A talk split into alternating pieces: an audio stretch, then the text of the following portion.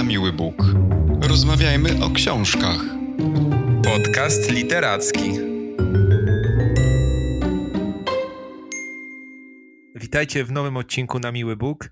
Dziś jesteśmy z Maćkiem tutaj, by powiedzieć Wam o nowej książce, kolejnej książce. W zasadzie Maciek będzie opowiadał o książce Halny. Na początku, Maćku, kiedy powiedziałeś, że czytasz Halnego, pomyślałem, że będzie to hit y, Remigiusza Mroza, jednak nie. Halny Igora Jarka, wydany przez y, wydawnictwo Nisza. No właśnie, książka dosyć kontrowersyjna, przede wszystkim e, ze względu na język. Mnóstwo komentarzy w internecie e, na ten temat. Powiedz, co to za książka, o czym ona jest? Dzień dobry. Jest to książka, która przede wszystkim, może powiem, zainteresowała mnie dlatego, że była nominowana do paszportów polityki w ubiegłym roku i to była jedna z trzech nominacji. Ale to też jest książka, która została uznana za literackie odkrycie Empiku. I kiedy dowiedziałem się, że jest o Nowej Hucie, już miałem takie podejrzenia, że to będzie coś w rodzaju prozy dresiarskiej, którą między innymi uprawia przecież nasza królowa Dorota Masłowska. I byłem bardzo ciekawy, jakież to jest odkrycie literackie i czy faktycznie ktoś może Masłowskiej na tym polu dorównać. Nie chcę porównywać tak do końca z Masłowską Igora Jarka, ponieważ uważam, że tego typu porównania są po prostu nie fair wobec autora. Natomiast e, jednak trzeba liczyć się z tym, że jeżeli wchodzi się na ten teren, no to takie porównania są e, trochę nieuniknione. Tak już powiedziałem, książka dzieje się w Nowej Hucie, to jest ta słynna dzielnica Krakowa. E, I to jest dzielnica, przynajmniej w w tej prozie Igora Jarka zamieszkana przez postaci z marginesu, czyli gangsterów, dealerów narkotykowych, członków mafii, polskiej, rosyjskiej, tureckiej, jakiej tylko chcecie. Są to ludzie osieroceni, pokrzywdzeni przez los, biedni albo robotnicy i mający się najgorszych prac e, za granicą. Generalnie są to ludzie, którzy swoje życie przegrali, ale w tych opowiadaniach, bo są to opowiadania, bohaterowie próbują wygrać swoje życie na nowo. Czy im się to udaje? O tym za chwilę. Jest to książka faktycznie z bardzo wulgarnym językiem. Jest w niej bardzo dużo przemocy, i to też jest właśnie taka przemoc nie tylko w czynach, ale właśnie na poziomie języka. W ogóle wylewa się z tej książki taki brutalizm i naturalizm. Są to takie opowiadania właśnie z tej takiej prozy dresiarskiej, zawierają dużo takich elementów sensacyjnych, kryminalnych, e, które generują bardzo wysokie napięcie. No to nie jest taka proza czysto gatunkowa, to nie jest taki czysta sensacja, czy, czy, czy kryminał, czy jakaś powieść przygodowa, ale zdecydowanie autor buduje te opowiadania w taki sposób, e, e, że one wywołują napięcie i bardzo trudno tę książkę odłożyć. Jako dowód powiem, że przeczytałem ją w takich dwóch posiedzeniach trakcie pierwszego przeczytałem pierwsze opowiadanie, no to jest, nie wiem, może 25% książki, a y, pozostałą część przeczytałem za jednym razem, y, właściwie zarywając północy. Y, no może trochę mniej niż pół, bo to, to nie jest aż tak gruba i trudna książka. I naprawdę trudno mi ją było odłożyć, bo tak fantastycznie jest to wszystko napisane. Być może to pierwsze opowiadanie, nie wiem czy jest najsłabsze z całego tego zbioru, ale też chyba językowo jest to takie trochę zderzenie ze ścianą. Jeżeli, szczególnie jeżeli ktoś nie czytał nigdy takich właśnie poematów dresiarskich, Masłowskiej na przykład, albo niektórych książek, na przykład Żulczyka, to jest coś takiego pomiędzy, powiedziałbym. E, jeżeli ktoś pierwszy raz styka się z takim językiem, tym właśnie językiem e, bohaterów e, z marginesu, gdzieś tam z dołów tej drabiny społecznej, to może być to takie zderzenie, którego się nie przeżyje i taką książkę się odłoży. Więc jeżeli ktoś jest wrażliwy bardzo i szuka takich raczej mm, estetycznych doznań w literaturze, no to być może ta książka nie jest dla niego, chociaż ja bym jednak obstawiał, żeby sięgać po takie tytuły, ponieważ jest to fenomenalnie napisane i jest to taki nowy, nowy punkt widzenia. Ale wracając do opowiadań, to są trzy opowiadania, tak jak powiedziałem. Nowochódzka kolenda, królowa oraz tytułowy halny. Mm, Nowochódzką kolendę opowiadają trzy osoby: Sandra, Torreador i Bursztynek. I to jest fenomenalnie skonstruowane opowiadanie, naprawdę. Sandra, zaczyna się tak, że Sandra wraca do Polski z Wielkiej Brytanii, gdzie wyjechała, a właściwie uciekła z rodzinnego domu. wraca śmierdzącym autokarem, pełnym robotników e, i nieudaczników, bo jak Sandra sama mówi, jadą tym autokarem wszyscy ci, których nie było stać na samolot. E, w drugiej części tego opowiadania czytamy przekaz Torreadora. On jest z kolei byłym piosenkarzem, którego kariera mm, jest już skończona, bo on ma za sobą odsiadkę. E, poznajemy go już na wolności, gdy właściwie próbuje wrócić do normalnego życia, ale mu się to nie udaje, jest alkoholikiem, żyje w takiej brudnej melinie.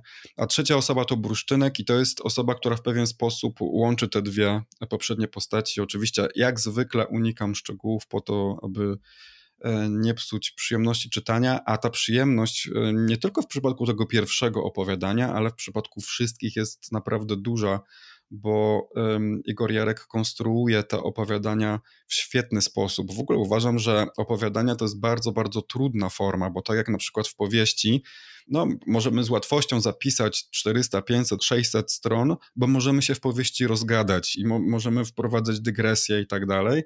No to tak w opowiadaniu nie ma y, miejsca na dłużyzny, prawda? Nie ma miejsca na nudę, na schodzenie z tematu. I tutaj y, autor świetnie się z, w, w, tych opowiadaniach czuje. Napra naprawdę są bardzo sprawnie napisane, właśnie nie ma takich dłużyzn, są dobre zwroty akcji, te fabuły są w bardzo sprytny sposób napisane, są w ogóle atrakcyjne czytelnicze, bo to są takie właśnie gangsterskie opowieści, takie historyjki, jakie słyszało się w Polsce e, w latach 90.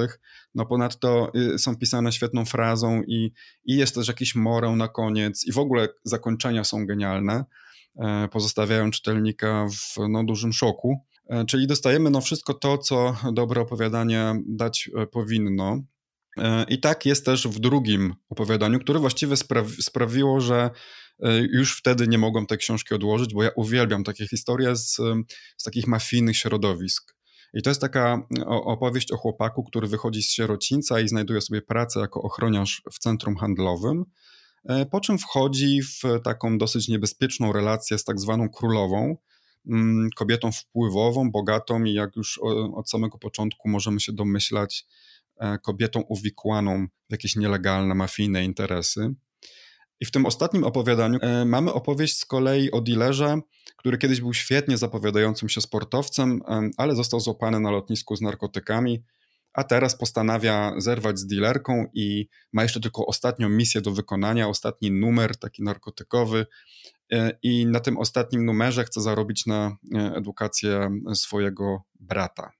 Zresztą w tym ostatnim opowiadaniu pojawia się taki właśnie dylemat moralny, bo ten bohater łamie prawo w celu finansowego zabezpieczenia swoich bliskich, a tak się składa, że akurat oglądam, bo robię sobie taką powtórkę z popkultury, właściwie nadrabiam to, czego nie udało mi się kiedyś obejrzeć e, i oglądam teraz Breaking Bad, znany serial na Netflixie.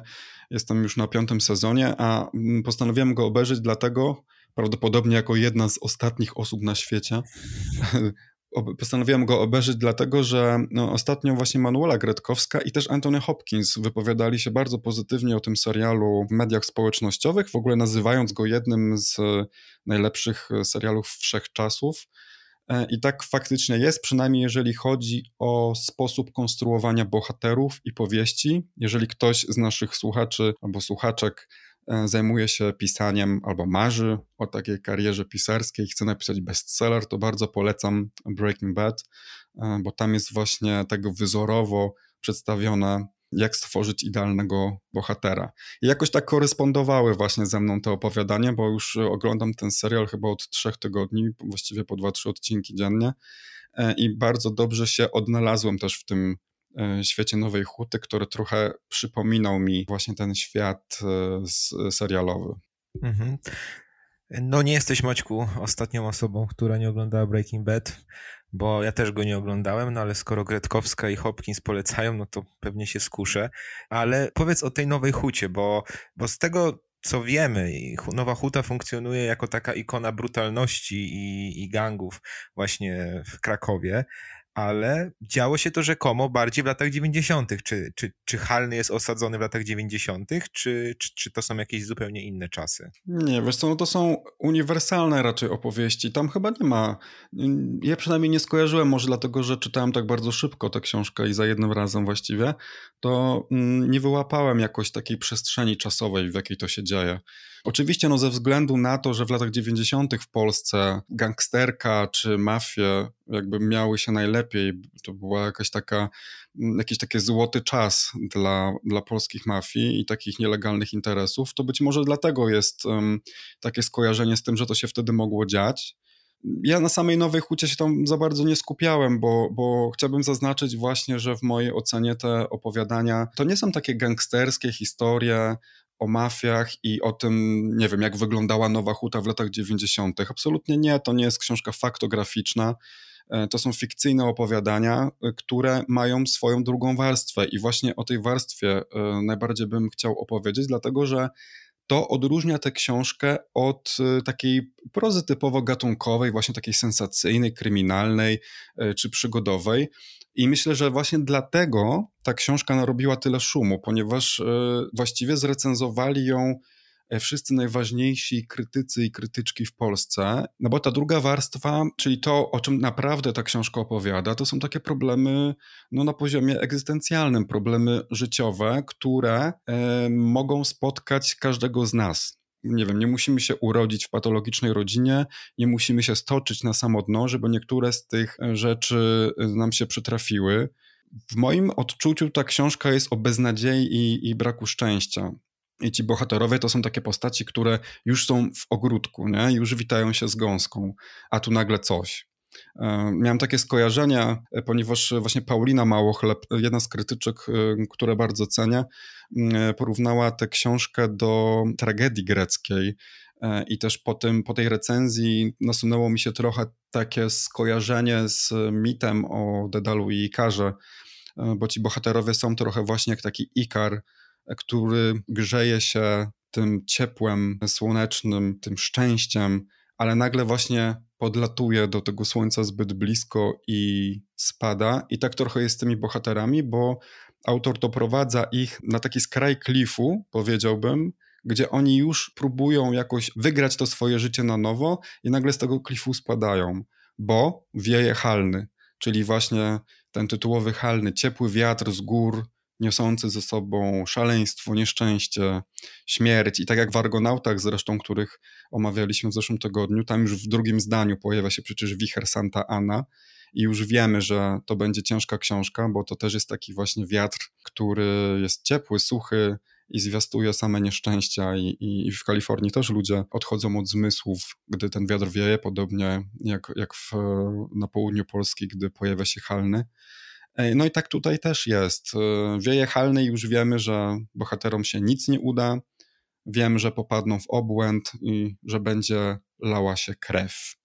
I jakoś nie, nie, nie do końca wierzę w taki świat, który jest, nie wiem, który jest zalany takim fatum właśnie, że jakby ci bohaterowie faktycznie nie mają, nie mają szans, bo nawet jeżeli próbują cokolwiek zrobić, to wisi nad nimi ta grecka tragedia i od samego początku już wiemy, że po prostu im się nic nie uda i pozostaje nam tylko przyglądać się temu. Tam jest w ogóle taki bardzo ciekawy schemat, bo mm, jeden z bohaterów jest byłym piosenkarzem, inny świetnie zapowiadającym się sportowcem. Jest też ktoś, kto wraca do normalnego życia właśnie po wyjściu z bidula, ale właśnie wisi nad nimi to fatum i mimo, że oni próbują wrócić do normalności, to im się to nie udaje. I tam jest też taki cytat od właśnie tym halnym, że jak wieje halny, to w górach tańcują diabły, tak mówią um, górale. Natomiast mam takie wrażenie, że właśnie w życiu tych bohaterów halny nie przestaje wiać. Wspomniałeś też, że wszystkie te opowiadania łączy język, który jest jakby takim stężeniem e, wulgaryzmów. No, ale domniemywam, że skoro chwalisz tę książkę, no to, to nie może być po prostu prostacki język, tylko w jakiś sposób e, jest on uzasadniony artystycznie. Po co jest tyle tych wulgaryzmów halnym? Wulgaryzmy są po to, aby ten język był naturalny, moim zdaniem, ponieważ mówimy o bohaterach z marginesu społecznego e, i uważam, że takim właśnie językiem oni mówią, zresztą myśl, ja w ogóle myślę, że bardzo trudno jest odtworzyć tak naprawdę język ulicy. Trzeba mieć wybitny e, słuch językowy. To się tylko tak wydaje. Napisać opowiadanie albo powieść całą, czy kilka opowiadań, zbiór opowiadań takim językiem chodnikowym, e, wulgarnym właśnie, e, takim językiem, którym mówią ziomki, wiesz, na klatce, na blokowisku. Wydaje mi się to niezwykle, niezwykle trudne, natomiast no, autor ma zdecydowanie świetny słuch, jest e, bardzo dobrym e, obserwatorem i to wszystko sprawia, że masz takie wrażenie, że naprawdę to jest bardzo wiarygodne i to jest bardzo, bardzo naturalne. Także mi jakby nie przeszkadzały e, nie przeszkadza mi ten język. Ja wiem, że on musiał taki być, bo taki jest w rzeczywistości. Zresztą ja myślę, że nie trzeba pochodzić tak naprawdę z marginesu społecznego, żeby mieć wulgarny język, albo na przykład, żeby używać wulgaryzmów. Ja na przykład też bardzo często używam przekleństw i uważam, że nie jest to żaden przejaw mojej degeneracji. Ja po prostu wychodzę z takiego założenia, że te słowa mają swoją własną taką specyficzną energię, e, dodają jakiejś takiej pikanterii językowi i na przykład ubolewam nad tym, że w innych językach obcych, e, których e, się namiętnie uczę, takich na przykład wulgaryzmów jak w polskim języku nie ma, a być może po prostu nie czuję też na tyle tych ciemnych stron innych języków. Natomiast brakowało mi w tej książce czegoś, w tym języku czegoś, co wywołałoby taki już totalny zachwyt. Coś takiego znajduję na przykład w tekstach właśnie wspomnianej na początku Masłowskiej, pewien rodzaj inteligencji językowej, takiej stylizacji jednak tego języka dresiarskiego na jakąś taką bardzo inteligentną obserwację świata. E, może po prostu mi brakowało dowcipu językowego, e, ponieważ e, w tej książce też bardzo często się śmiałem, ponieważ tam też są bardzo fajne językowe, dowcipne fragmenty, natomiast mm, jakoś tak miałem takie wrażenie, że te grypsy w Halnym są już trochę mocno zgrane. To jest takie też trochę niebezpieczeństwo, mi się wydaje, że jak ktoś chce pisać czy mówić coś takim językiem aktualnym, takim dowcipnym, to jednak to jest trochę jak z memami, że, że takie, takie grypsy się dosyć szybko starzeją i trzeba mieć naprawdę wybitny talent, żeby uchwycić to w taki sposób, e, żeby to się wydawało nowatorskie. E, bo jest tutaj też słowotwórstwo w, w tej książce, Natomiast e, no, nie jest to na takim poziomie y, jak Masłowska, ale to tak jak mówię, no, ja też jestem wielkim fanem Masłowskiej i jakby to jest moje bardzo subiektywne zdania, bo obiektywnie patrząc, język w tej książce jest naprawdę świetny. No, no, naprawdę ociera się już niemal o wybitność. No, to, to jest naprawdę świetnie zrobione. Zresztą ten język też pokazuje, mm, bo to jest też trochę taka opowieść o Polsce i ten język też pokazuje to, co się w Polsce dzieje i, i, i już na poziomie języka jest taka nienawiść, e, homofobia, szowinizm, rasizm. Na przykład bardzo mnie uderzało to, że tam nieustannie przewijało się takie określenie jak pedał.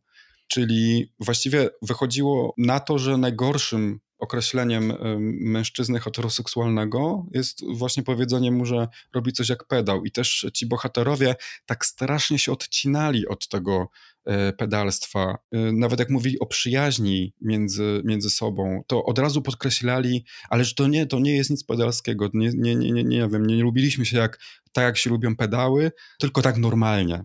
To jest też coś, co zauważyła właśnie Paulina Małochleb, a mianowicie ludzie z marginesu, ci, którzy są już gdzieś na dole tej drabiny społecznej, zawsze widzą jakieś dno, które jest jeszcze daleko, daleko pod nimi. Znaczy my uważamy, że to już jest dno, tak, ale oni muszą mieć jeszcze swoje jednak dno, bo, bo oczywiście nie mogą być na samym dole, więc zawsze gdzieś widzą kogoś gorszego E, od nich i to zawsze będzie Żyd, pedał, kobieta albo ciapaty.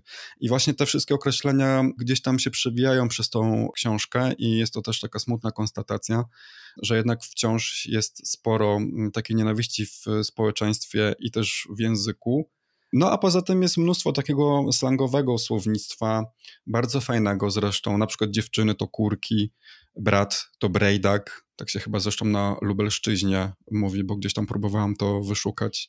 Telewizor to Tivik, a ktoś sprytny to szpenio. I tu mam taki na przykład fragment, bo właściwie mm, bardzo trudno tę książkę cytować, bo praktycznie nic się nie nadaje na antenę podcastu, a tutaj jeden z takich bardziej neutralnych fragmentów. Spokojnie, Relax, se myślę i przypominam sobie tego cwanego szpenia, co gadał kiedyś w Tiwiku, że nasza cywilizacja, e, wróć, że starożytne goście zostawili po sobie piramidy. Pojeby ze średniowiecza wymyśliły, że jak coś komuś nie pasi, to można gnoja sfajczyć na stosie, a ludzie rekonesansowi, czy jakoś tak, pierwsi zaczęli malować gołe facetki.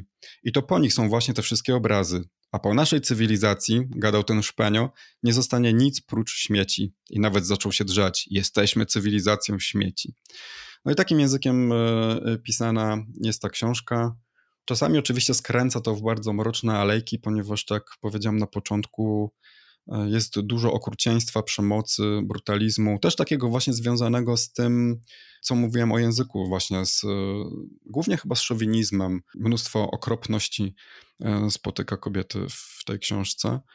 I na sam koniec chyba warto wspomnieć też o motcie, która otwiera tę książkę. To jest fragment Cormaca McCarthy'ego z To nie jest kraj dla starych ludzi i brzmi ono tak. Na tej planecie jedna rzecz jest pewna, a mianowicie to, że szczęście nie wali drzwiami i oknami. A po przeczytaniu tej książki można sparafrazować to motto i powiedzieć, że na tej planecie jedna rzecz jest pewna, a mianowicie to, że nieszczęście wali drzwiami i oknami. Po twojej opowieści o tej książce ta historia jawi mi się jako taka hiperbola wszelkich niedogodności i takiego nawarstwienia, y, które powiem szczerze, że mnie osobiście czasami odrzuca, bo, bo wydaje mi się, że tego typu zabiegi odrealniają trochę życie kiedy nie pojawia się w nim e, żadna szansa do wykorzystania, kiedy nie pojawia się w nich pozytywne uczucie. Przypomina mi to też trochę książkę, o której ostatnio mówiłeś, Małe życie Jana Gichary. Wspaniała powieść, jednak główny bohater jest y, doświadczony przez tak dużą liczbę nieszczęść, następujących jedna po drugiej, że dziś gubię w tym wszystkim sens i, i zastanawiam się, czy, czy, czy nie jest to też pójście na jakąś łatwiznę ze strony autora. Nie no, wydaje mi się, że nie, dlatego że to też nie jest taka opowieść o tym, że, że właściwie wszystko jest do bani i żyjemy w jakimś takim fatum. Okej, okay, może trochę jest, bo też też przyznałem ci rację, że ja też nie do końca kupuję taki świat, w którym to wszystko jest takie e, owiane tym, tym halnym i jakby nie mamy w ogóle wpływu na to, co, co się dzieje, bo cokolwiek będziemy próbowali zrobić, to i tak ten wiatr zaprowadzi nas na skraj przepaści, a później e, nam dmuchnie w plecy ale uważam, że tego typu formuła, tak jak właśnie Mało Chleb zauważyła, to jest po prostu mrugnięcie oka do czytelnika i jest to pewna gra literacka z formą, którą jest grecki dramat, pełen właśnie dylematów moralnych, ale już taki z, z góry skazany na niepowodzenie e, tych bohaterów. I tak w taki sposób odczytywałbym mm, właśnie te opowiadania bardziej jako pewnego rodzaju literackie taką konwencję, którą e, przyjął mm, Igor Jarek. I jeszcze absolutnie fantastyczne to jest, że właśnie on sięga po formułę